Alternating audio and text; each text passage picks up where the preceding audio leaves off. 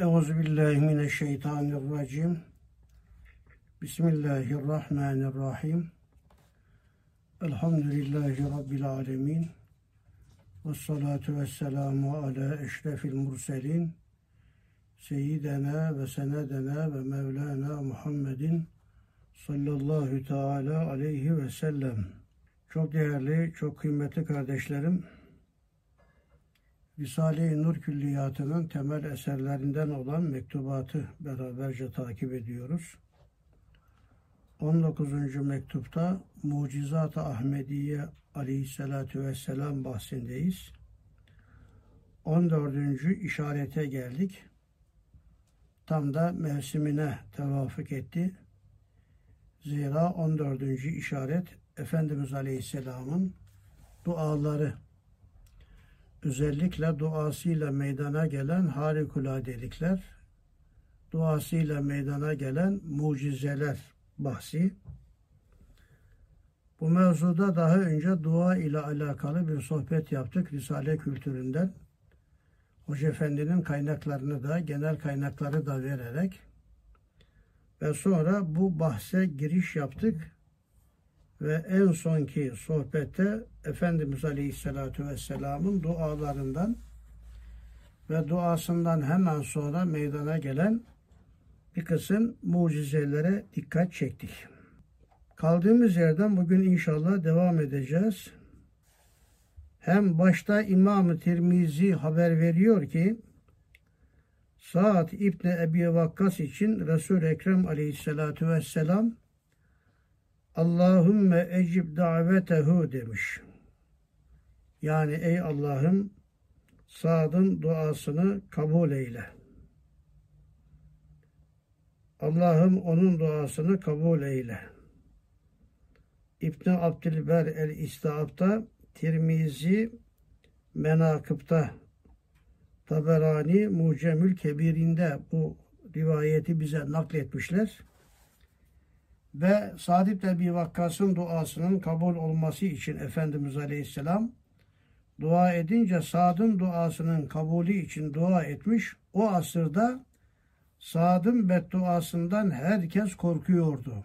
Aman kızdırmayalım, bize beddua ederse helak oluruz diye herkes dikkatli oluyordu. Duanın kabulü de şöhret buldu diyor. İmam-ı Tirmizi hakkında daha önce bir malumat sunmamıştım. Kısa kısa buradaki hem kitaplar hem de şahıslar varsa raviler hakkında malumatlar da sunuyorum. Bildiğiniz gibi İmam-ı Tirmizi dendiği zaman Ebu İsa Muhammed İbni İsa bin Sevre et-Tirmizi'dir. Kütüb-i Sita adıyla bilinen en güvenilir altı hadis kitaptan birisinin sahibidir. Miladi 824 yılında Mekke'de dünyaya geldi. İlk öğrenimini tamamladıktan sonra çalışmalarını hadis ilmi sahasında yoğunlaştırdı. Hadis derlemek amacıyla Horasan, Irak, Hicaz ve önemli birçok hadis kaynaklarına seyahatler yaptı. Bu seyahatler sonunda derlediği hadislerin en sahihlerini bir araya getirerek Camius Sahih Tirmizi'nin Camius Sahih'i denir zaten. Öyle bir adla meşhur hadis kitabını telif etti. Bu eserde yalnız hadisleri derlemekle kalmadı. Her hadisten sonra hadis hakkında kendi düşüncelerini, anladıklarını da açıkladı. Kütüb-ü Sitte'de diğerlerinde sadece hadis rivayetleri vardır. Sahih-i Tirmizi'de ise aynı zamanda İmam Tirmizi'nin o hadisten ne anladığını da açıklayarak o şekilde kitabını tertip etmiş ve ayrıca hadisleri İslam hukukunun konularına göre bir düzen içinde sınıflandırmış ve tekrarlardan olabildiğince sakınmış ve bu onun kitabını sair kütüb-ü sitteden diğer beş tanesinden ayrı kılan önemli özelliklerindendir. Ayrıca Kitab-ül İleli var. Kitab-ı Şemaili var. Zaten bu Türkçe'ye de tercüme edilmiştir. Tirmizi'nin Şemaili Şerifesi Türkçe bir cilt okumanızı mutlak okumanızı tavsiye ederim. Özellikle Efendimiz Aleyhisselam'ı rüyanızda görmek istiyorsanız Tirmizi'nin o Şemail'den, Şemail kitabından Efendimiz Aleyhisselam'ın veşesi, siması, vücuduyla alakalı rivayetler var. Onları okuyun. Hani bir hırsız hırsızlık yapıp kaçarken birisi onu görünce gidip emniyete anlatıyor. Onun anlatmasına göre adamı robot resim olarak çiziyorlar. Aynen o adam çıkıyor. Evet Efendimiz Aleyhisselam da şemailinde en detaylarına kadar anlatılmıştır. O rivayetleri okursanız sonra hayalinizde bir şekil belirlenecek, temessül edecek ve onunla da bütünleşince inşallah şu mübarek aylarda veya ömrünüzde bir defacık dahi olsa Efendimiz Aleyhisselam'ı rüyanızda görme şerefine ereceksiniz. Dua ederim öyle olursunuz. Bir de Kitab-ı Esma-i Sahabe namıyla bir ayrı kitabı vardır. İmam-ı Tirmizi Kütüb-ü Sitte ricalinden bir tanesidir. Kısaca Saad İbn Ebi Vakkas hakkında bir malumat sunmak istiyorum. Saad İbn Ebi Vakkas hayatta iken cennetle müjdelenmiş 10 sahabiden bir tanesidir. 7. sırada ismi geçer. Yani aşere-i mübeşşereden bir tanesidir. 19 yaşındayken Müslüman olmuş ve hayatının sonuna kadar da İslam'a, Kur'an'a hizmet etmiştir. Sa'd ibn Ebi Vakkas sahabeler arasında kahramanlığı ve idareciliğiyle temayüz etmiştir. Peygamberimizle birlikte bütün savaşlara katılmış. Yani Efendimizin 27 tane gazvesi var. 27'sinde de bulunmuş ve oralarda büyük kahramanlıklar göstermiş. Ve Uhud'un en şiddetli zamanlarında Resulullah Aleyhisselam'ın etrafında etten bir duvar ören sahabilerden bir tanesi de Sa'd İbni Ebi Vakkas'tır. Sa'd İbni Ebi Vakkas'ın en büyük özelliği Hazreti Ömer döneminde İran'a gönderilen büyük ordunun başına kumandan olarak tayin edilmesidir. Daha önce El Katsiye filmini seyretmenizi tavsiye etmiştim. Hazreti Ömer milleti Medine halkını mescitte toplatıyor ve İran'a bir ordu göndereceğini ve bunun da başına Saad'ı kumandan tayin ettiğini söylüyor. Medine'de pek çokları da kendi aralarında fısıldaşarak ya bu çok genç, tecrübesiz diye konuşsalar bile Hazreti Ömer ısrar ediyor ve gerçekten de o Katsiye meydan muharebesinde İran Şahı Müslümanlara karşı savaşmak üzere çok meşhur. İran tarihi dendiği zaman bütün kahramanlıkları şahsında garat eden Rüstem. Orduların başkumandanı Sa'd ibn Ebi Vakkas karşısında mağlup oluyor ve İran bölgesinde İslam'ı tebliğ etmek için de gayret sarf ediyor. Hazreti Saad Celule'ye yöneliyor. İran fethinden sonra ve burasını Hicri 16. yılında fethediyor. İran İmparatorluğu'nun merkezi daha sonra Medain şehrine yöneliyor. İki aylık bir kuşatmadan sonra Medain'i de fethediyor. Kisra 3. Yezdücüt buradan Hulvan'a kaçıyor. Sa'd ibn Ebi Vakkas bir ordu göndererek Sur yoluyla burayı da fethediyor. Yezdücüt yani İran Şahı Perviz İsfahan bölgesine kaçarak orada tutunmaya çalışıyor. Sa'd ibn Ebi Vakkas Hicri 55 yılında ikamet ettiği Medine dışında Akik Vadisi var. Orası çok önemli bir yer. Orada ruhunu Allah'a teslim ediyor. 54 ile 58 tarihleri arasında değişen farklı rivayetler bulunmaktadır ömrü ile alakalı. Saad'ın cenazesini evinden alarak Medine'ye getiriyor sahabi ve Mescid-i Nebevi'de kılınan namazdan sonra Cennetül Bakiye kabristanlığına defnediliyor. Ve hadis kitaplarında Hazreti Sa'd İbn Ebi Vakkas'tan nakledile gelmiş 270 tane hadisi şerif olduğu söyleniyor. Sa'd İbn Ebi Vakkas gerçekten destanlaştırılması lazım gelen cesur, kahraman ve Efendimiz Aleyhisselam'a çok bağlı bir şanlı sahabedir. Onun duası ne dua yaparsa anında görülüyormuş tesiri. Onun duasının kabulü Efendimiz Aleyhisselam'ın bir mucizesi olarak da ifade ediliyor. Sa'd ibn Ebi Vakkas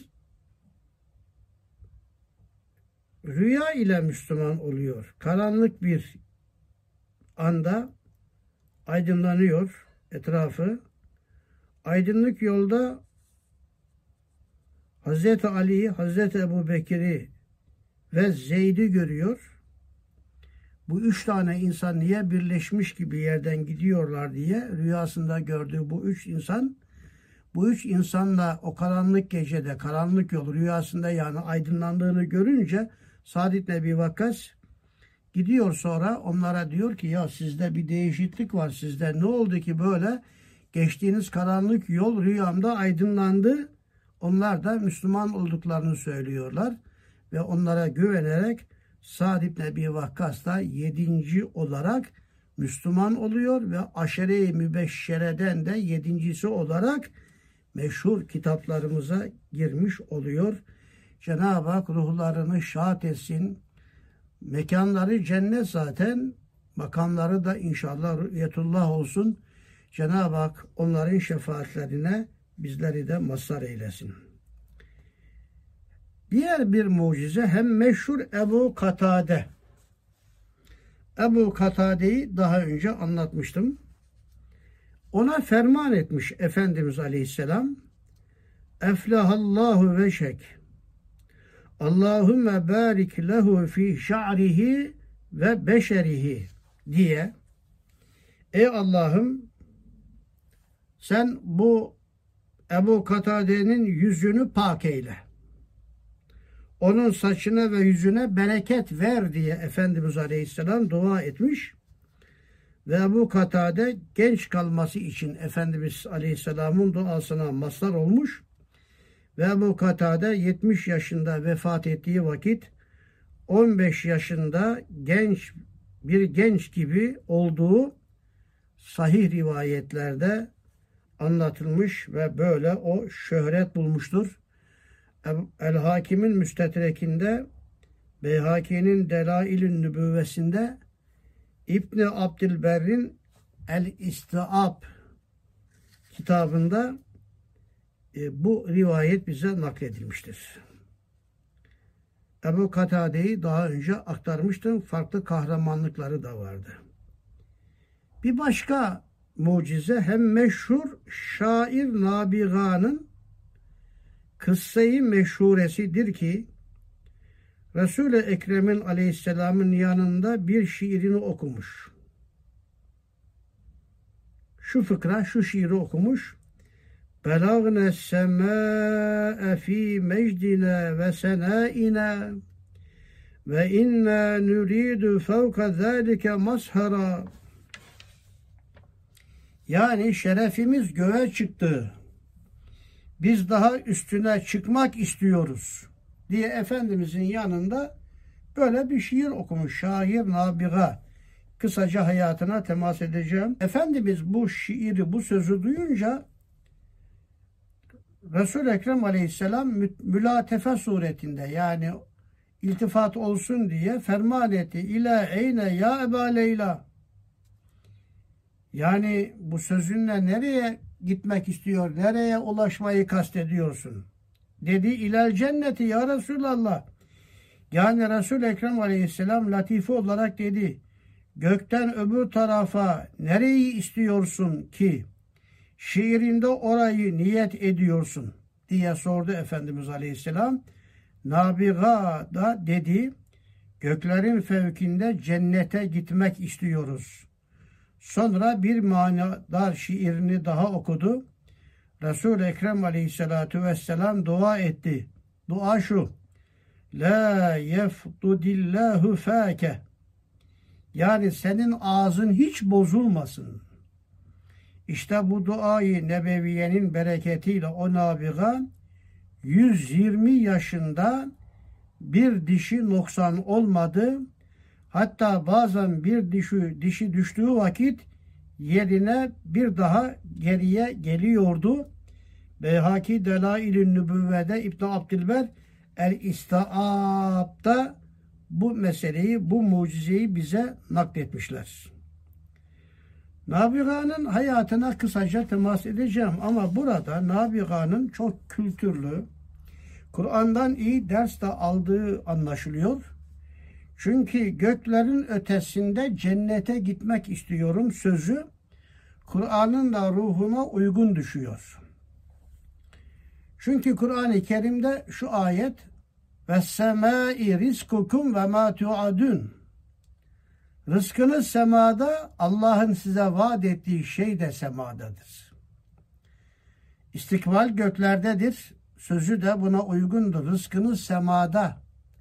Semadan gelecek rızıklar nelerse çok yönlü Allah'ın bütün rızıkları semavi olur, arzi olur. Bu Kur'an-ı Kerim'de Maide suresinde de bir ayette geçer. Ey ehli kitap diyor Cenab-ı Hak bir ayette eğer siz peygamberlere yani Hz. Musa'ya, Hz. İsa'ya inansaydınız teslis akidesi olmadan tevhid içinde o semavi kitapların da aslına inansaydınız Muhammed Aleyhisselam'a ve ona indirilen kitaba Kur'an'a da inansaydınız semadan sağanak sağanak yani yağmur diyor ayete yağmur gibi nimetler inecek ayağınızın altında da nimetler fışkıracaktır diyor. Çok sarihçe yağmur gibi semadan inen nimetlerden bahsediyor bu ayet. Ve az önce okuduğum diğer birinci ayet ise rızkınız semada ve Allah'ın size vaat ettiği şey de semada. İleriye müteallik güzel şeylerin söz verilmesine vaadi ilahi denir. Ama azap, işkence, bela söz vermesine Cenab-ı Hakk'ın ona da vaidi ilahi denir. Vaat ve vaid. Ayette Allah'ın vaat ettiği şey de semada deyince Allah'ın bize vaat ettiği şey cennettir ve o da semadadır. Bu Nabiga, şair Nabiga'nın bu inceliği bilmesi de oldukça manidar düşmüş. Nabiga, Nabiga el-Cadi Siyer ve Magazi kitaplarında ismi Nabiga el-Cadi olarak geçmektedir. Asıl ismi Ebu Leyla. Bu rivayetten onu da anlıyoruz zaten. Efendimiz Aleyhisselatü Vesselam ona diyor ki İlâine ya Eba Leyla. Ey Nabiga demiyor. Eba Leyla, Leyla'nın babası nereye? Nabiga bir erkek ismi. Ebu Leyla olunca baba. Ebu Leyla Abdullah bin Kays bin Cade'dir adı. Meşhur şairlerden ve aynı zamanda sahabelerden olup hem cahiliye dönemine hem de İslam devrine ait şiirleri vardır. Kaynaklara göre İslam önce Hanif dinine mensuptur. Şirke gitmemiş bu zat. Putlara tapmamış.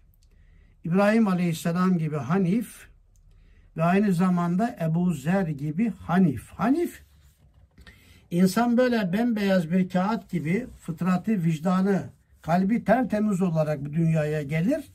Ama biz günahlarla her işlediğimiz günah o kağıtta siyah lekeler meydana getirdiği gibi kalbimizde siyah lekeler meydana getirir.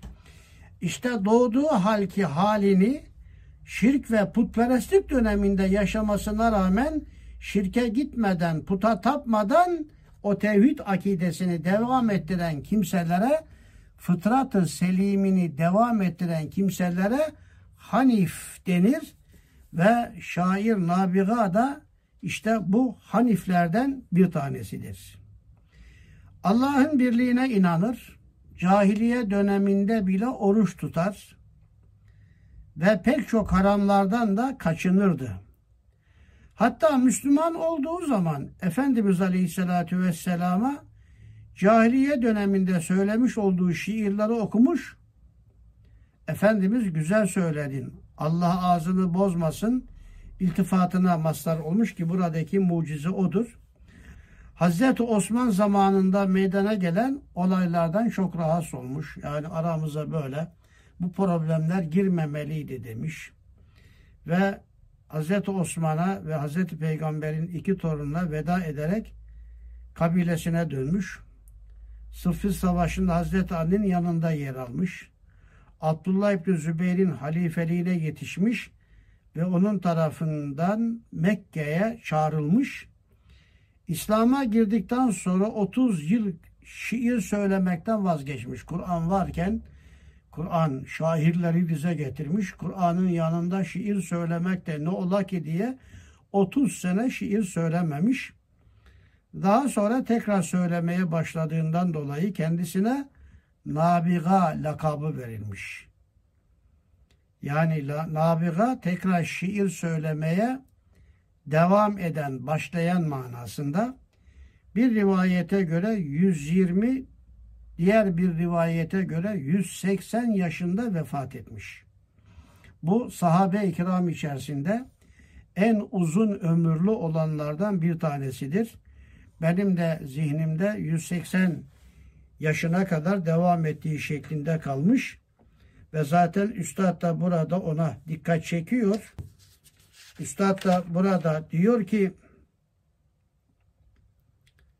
işte o dua-i nebevinin bereketiyle o nabiga 120 yaşında bir dişi noksan olmadı. Yani 120 yaşına kadar yaşadığı muhakkak 120 yaşında bile bir dişi noksan olmadı. Dökülse yeniden çıkıyormuş.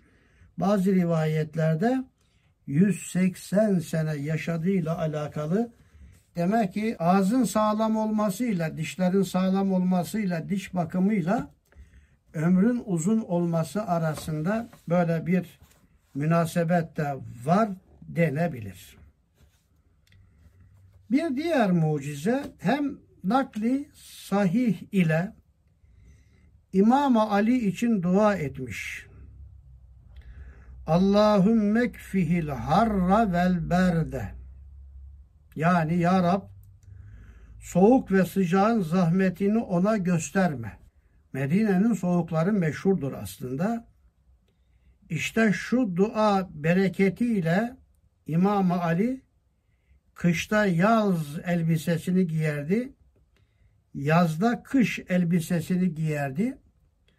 Bu, bu duanın mucizesi olmakla beraber aynı zamanda kendisi daima fakir yaşamıştır. Toprak üstünde yatardı. Efendimiz bir defasında onu topraktan uyandırmak istediği zaman şöyle ayağıyla ona Ebu Turab, toprağın babası kalk, kum Ebu Turab derdi ona. Hazreti Ali Efendimizin de en çok hoşuna giden lakap kendisine Ebu Turab denmesi gerçekten toprakla öyle bütünleşmiş ki hep fakir yaşamış. Böyle lüks evleri, eşyaları olmamış. İmkanı da olmamış. Kışlık elbise var yazın giymiş ama terlememiş. Kışın da yazlık elbise var ama giymiş de üşümemiş olarak Hazreti Ali Efendimizin bu durumu ifade edilir. Diğer bir mucize hem Hazreti Fatıma için dua etmiş. Allahümme la tüci'he bir cümle bile değil. Bir dua. Yani Allah'ım açlık elemini ona verme. Hazreti Fatıma der ki o duadan sonra açlık elemini görmedim. Tabarani Mucemül Evsat'ta Ebu Nuaym Delailün Nübüvve'de, Beyhaki Delailün Nübüvvesinde bu mucizeyi, bu rivayeti bize nakletmişlerdir. Hazreti Fatıma validemizi daha önce kısaca bir anlatmıştım. Ama yeniden bir defa daha teberrük olsun, tefeyyüz olsun diye aktarmak istiyorum. Fatımetü Zehra. Diğer adı Fatımatül Betül. Bunlar aynı zamanda onun sıfatları olmuş ve böyle anılmış Hazreti Fatıma. Efendimiz Aleyhisselatü Vesselam'ın en küçük kızıdır. Peygamberlikten bir yıl önce yani miladi 609 senesinde Mekke'de dünyaya gelmiş 15 yaşını tamamladığında Hazreti Ali ile evlenmiş. Hazreti Hasan ve Hazreti Hüseyin bu evliliğin sonucu dünyaya gelmiş ve Peygamber Efendimiz Aleyhisselam'ın nesli mübareki ta kıyamete kadar gelecek seyitler ve şerifler cemaati Fatıma validemizden teselsül etmiş, devrimize kadar gelmiş, kıyamete kadar devam edecektir. Uhud gazvesine katılan Hazreti Fatıma gazilere erzak ve su taşımış, yaralıları orada tedavi etmiş. Efendimiz Aleyhisselam'ın vefatına yakın ki bunu 5. nükteli işarette okumuştuk 19. mektupta. Efendimiz Aleyhisselam onun ağladığını görünce çağırdı. Ben yakında vefat edeceğim dedi. Bu defa Hazreti Fatıma validemiz daha çok ağladı. Kızının böyle çok ağladığını görünce dayanamadı. Tekrar eliyle işaret etti. Gel dedi. Efendimiz konuşamıyordu. Ve onun kulağına bir şey daha söyledi. Bu defa Fatıma validemiz gülmeye başladı. Ve daha sonra Hazreti Ayşe validemiz sordu niye güldüm? Birincisinde vefatından bahsetti ağladım. İkincisinde ise ehlimden ilk defa bana kavuşacak sensin dedi. Sevincimden de tebessüm ettim ya Ayşe diye onun sorusuna cevap verdi. Cennette de kendisine kadınların efendisi denecek. Efendimiz Aleyhisselam cennet kadınlarının efendisi Fatıma'dır buyurmuştur. Hazreti Fatıma gerçekten Efendimiz Aleyhisselatü Vesselam'ın vefatından 6 ay sonra ruhunu Rahman'a teslim etmiş ve babasının olduğu diyara, huzuruna şeddi rihal eylemiştir. Bir başka mucize hem Tufeil İbni Amr Resul-i Ekrem'den aleyhisselam bir mucize istedi götürüp kavmine göstersin. Kendisi istemiyor da ben bir mucize göster ya Resulallah götüreyim. Bunu kavmime göstereyim onlar da iman etsinler. Resul-i Ekrem aleyhissalatu vesselam Allahümme nevvir lehu demiş. Çok acayip bir şey bu. Allah'ım onu nurlandır. Bu defa iki gözü arasında yani şu kaşında şurada ortasında bir nur zuhur etmiş. Sonra o nuru değneğinin ucuna almış. Sonra değneği ucuna naklolmuş. Bununla zinnur diye iştihar bulmuş. Yani sopasının ucunda kavmine giderken sopası böyle elektrikli biz el fenerlerini yaktığımız zaman parladığı gibi etrafı aydınlattığı gibi elindeki sopanın da ucunda böyle bir aydınlanma var, far var Kavmi onu gördüğü zaman da işte Efendimiz Aleyhisselam'dan gelen bir mucize ve iman etmişler. Kavminden en çok toptan iman eden bir kişi olmuş Tufeil İbni Amr. Tufeil İbni Amr Devs kabilesinin ileri gelenlerindendir. Ebu Zer'in kabilesinden. Bu da devrin büyük şairlerinden bir tanesidir. Mekke'den Müslüman olmuş.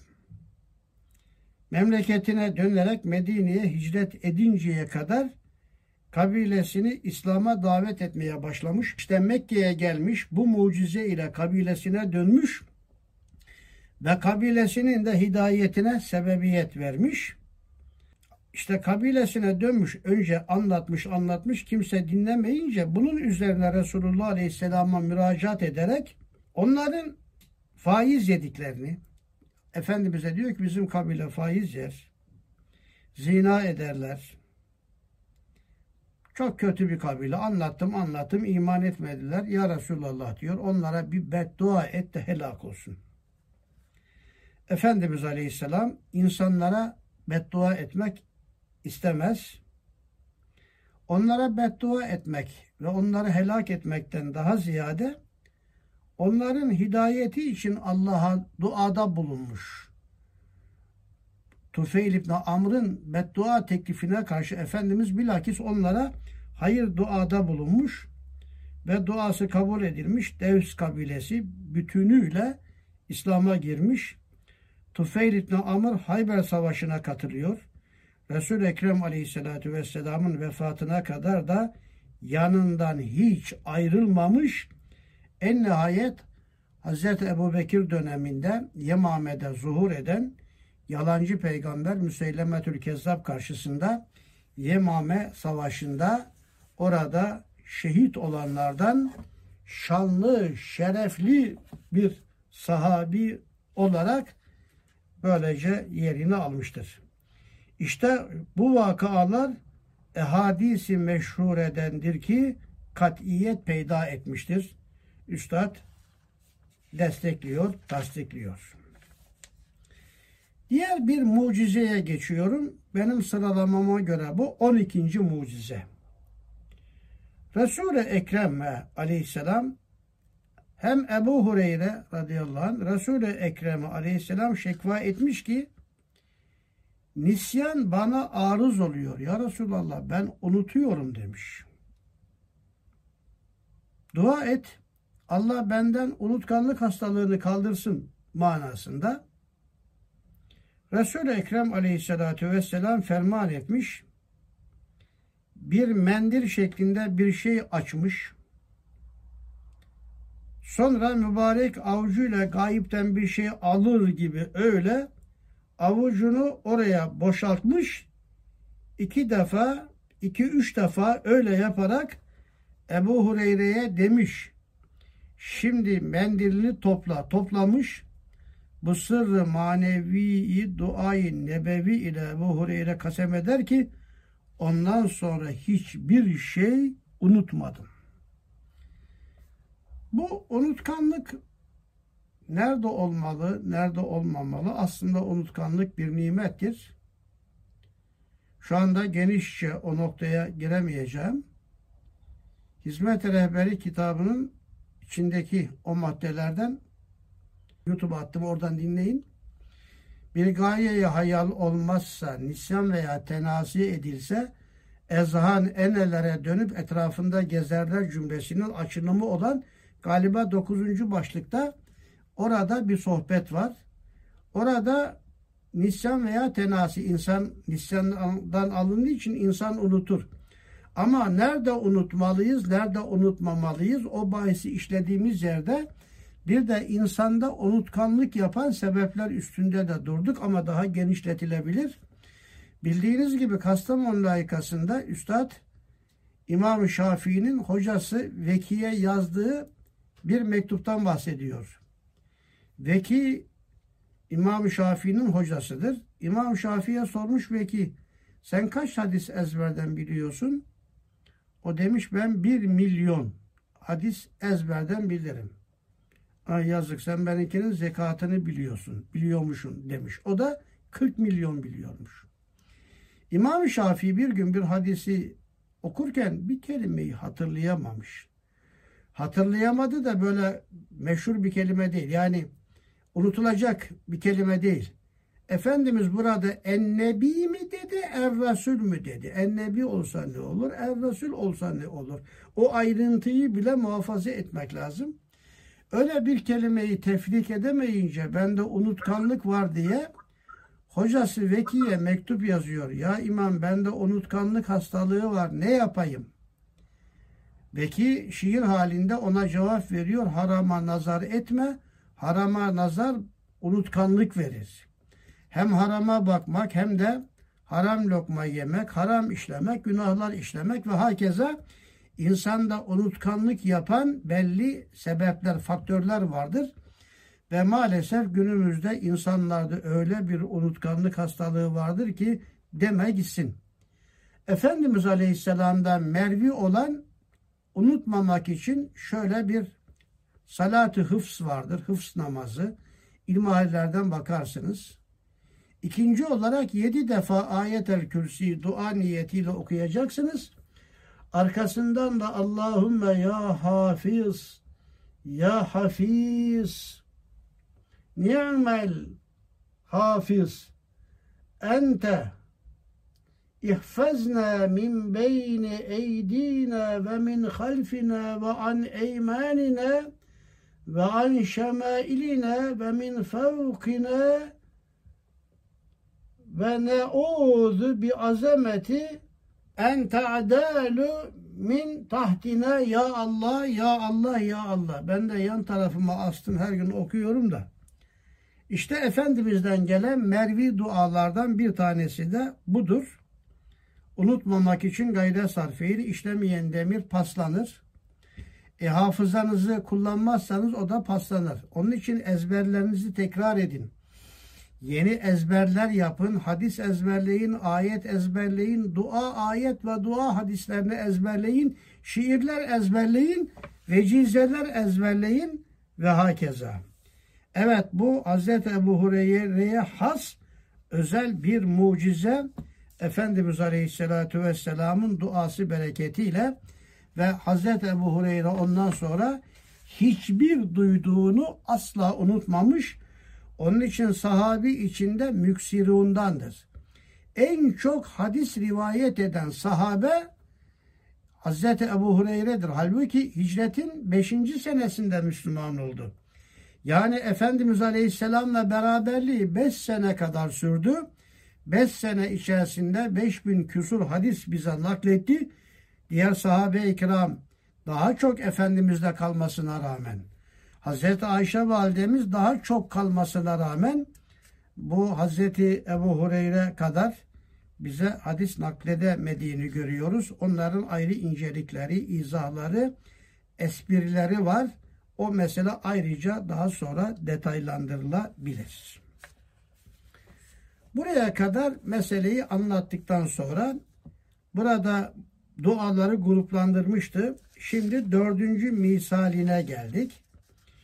Üçüncü misalde 12 hadis rivayet edilmiş. Üçüncü misalde sadece. Birinci misalde iki rivayet vardı. İkinci misalde bir tane vardı. 12 tane okuduk. İki de orada, 14, bir de orada şu ana kadar 15 tane mucize okumuşuz. 3 misal, 3 bölüm. Şimdi dördüncü misal yani dördüncü bölüme geldik. Resul-i Ekrem aleyhissalatu vesselamın bedduasına mazhar olmuş birkaç vakayı beyan ederiz. Burada şimdi üç tane misal var. Altta da var. Beşinci misalde üç tane misal var. Yani altı tane kadar Efendimiz Aleyhisselam'ın bedduasıyla meydana gelen mucizeler var. Efendimizin beddua etmesi bu misallere geçmeden önce çok kısa birkaç şey söylemek istiyorum. Bunlardan birincisi hani Efendimiz Aleyhisselam beddua peygamberi değildi. Lanetçi değildi. Çünkü kendisi buyuruyor ki bu istü ene rahmeten ve la la'anen. Ben rahmetçiyim. Lanetçi değilim. Evet Efendimiz Aleyhisselatü Vesselam hep rahmet okumuş. Hayır dualarda bulunmuş. Beddua etmemiş. Lanet etmemiştir. E pekala bunlar ne? Mesela Taif dönüşünde onlara beddua etmemiş. Allah teklif ettiği halde. Uhud dönüşünde Allah teklif ettiği halde onlara beddua etmemiş. Rahmet okumuş hep. Hidayetleri için dua etmiş. Pekala az dahi olsa Efendimiz Aleyhisselam'ın beddua etmesini onun rahmet peygamberi olmasıyla nasıl telif edeceğiz? Bu size sorulabilecek, sizin de kafanıza takılan çok önemli hususlardan bir tanesidir. İşte bu inceliği anlayabilmek, izah edebilmek için bir, 17. sözün birinci makamını çok iyi okumalısınız. 7 mertebe içerisinde Üstad orada Allah'ın rahmetiyle gadabının telifini yapıyor. Allah'ın rahmeti gadabına galiptir.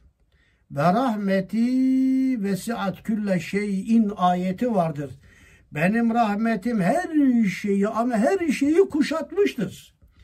Bu ayete dayanarak üstad sorup cevap veriyor. Pekala belalar, musibetler, ölümler, tayfunlar, zelzeleler, devremler, meteor taşları, hatta kabir azabı, hatta cehennem Allah'ın bu rahmetini daraltmıyor mu? Soru bu. İşte o belaların o rahmeti daraltmadığı telifini, uyumunu anlattığı yerde Allah'ın nasıl gadaf ve kahrı varsa tecelli olarak elbette Hz. Muhammed Aleyhisselam'ın da Allah'ın celali isimlerine mazhar olduğu hengamelerde onun da gadabı, kahrı olacaktır. Gadaf ve kahrı olduğu anlarda da elbette onun tezahürü olan bedduaları olacaktır. Evet Allah'ın rahmetiyle gadabını telif etmede geçen o yedi madde Efendimiz Aleyhisselam'ın rahmet peygamberi olmasıyla ama az dahi olsa yer yer dahi olsa bazılarına beddua etmesini işte böyle anlamaya, telif etmeye çalışacaksınız. Bir madde içinde yedi madde anlattım aslında. 17. sözün birinci makamını okumalısınız. İkinci olarak Efendimiz Aleyhisselatü Vesselam'ın bedduaları aslında bir kişinin zararına gibi görülse bile genelde ümmetin faydasınadır. Zararlı olan şeylere beddua etmiştir. Ne gibi? Bize zararı dokunacaksa bir kısım akrebi yılanı öldürmek caiz olması gibi zararı dokunacak insanlara işte Kur'an-ı Kerim'in Ebu Leheb'e beddua etmesi bundandır. İnsanlara zararı dokunacak yılan gibi, akrep gibi insan bu ona beddua etmek lazım ta diğer insanlara rahmet olması açısından. Bu iki. Üç, bazen o şahsa beddua ama aslında onun sonucu itibariyle kazanacağı itibariyle onu hatalardan, kusurlardan, yanlışlıklardan döndürmek için sonundan onu rahmete ulaştırmaya vesile olmak için neticesi itibariyle hani güzel dediğimiz 12. mektupta geçen ya bizzat güzel ya neticesi itibariyle güzel. Evet bazı beddualar neticesi itibariyle hayır dualara, güzel dualara çıkacağı için Efendimiz Aleyhisselam'ın böyle bedduaları da olmuştur, olabilir. Evet, yedi tane, iki de ilave ettim. Dokuz ana fark içerisinde bu hususu heyetinizle paylaştım. Oldukça önemli bu mesele. Ve bugünlük burada kalmak istiyorum. Çünkü burada Efendimizin beddualarıyla alakalı bir dördüncü misalde üç tane, beşinci misalde üç tane numune var. Bunları izah edeceğiz. Ama inşallah gelecek haftaya kadar bu anlattığım, verdiğim kaynakları da okursanız çok daha bereketli olacak. Çünkü bu beddualar içerisinde bu İran Şahı o zaman Şehin Şahı Fars Padişahı Perviz ile alakalı bir Efendimizin bedduası var. Efendimizin mektubunu parçaladığı için Allah'ım sen de onun mülkünü parça parça et. Bakınız bu hidayet ermeyecek artık. O insanları hep putperest yapıyor.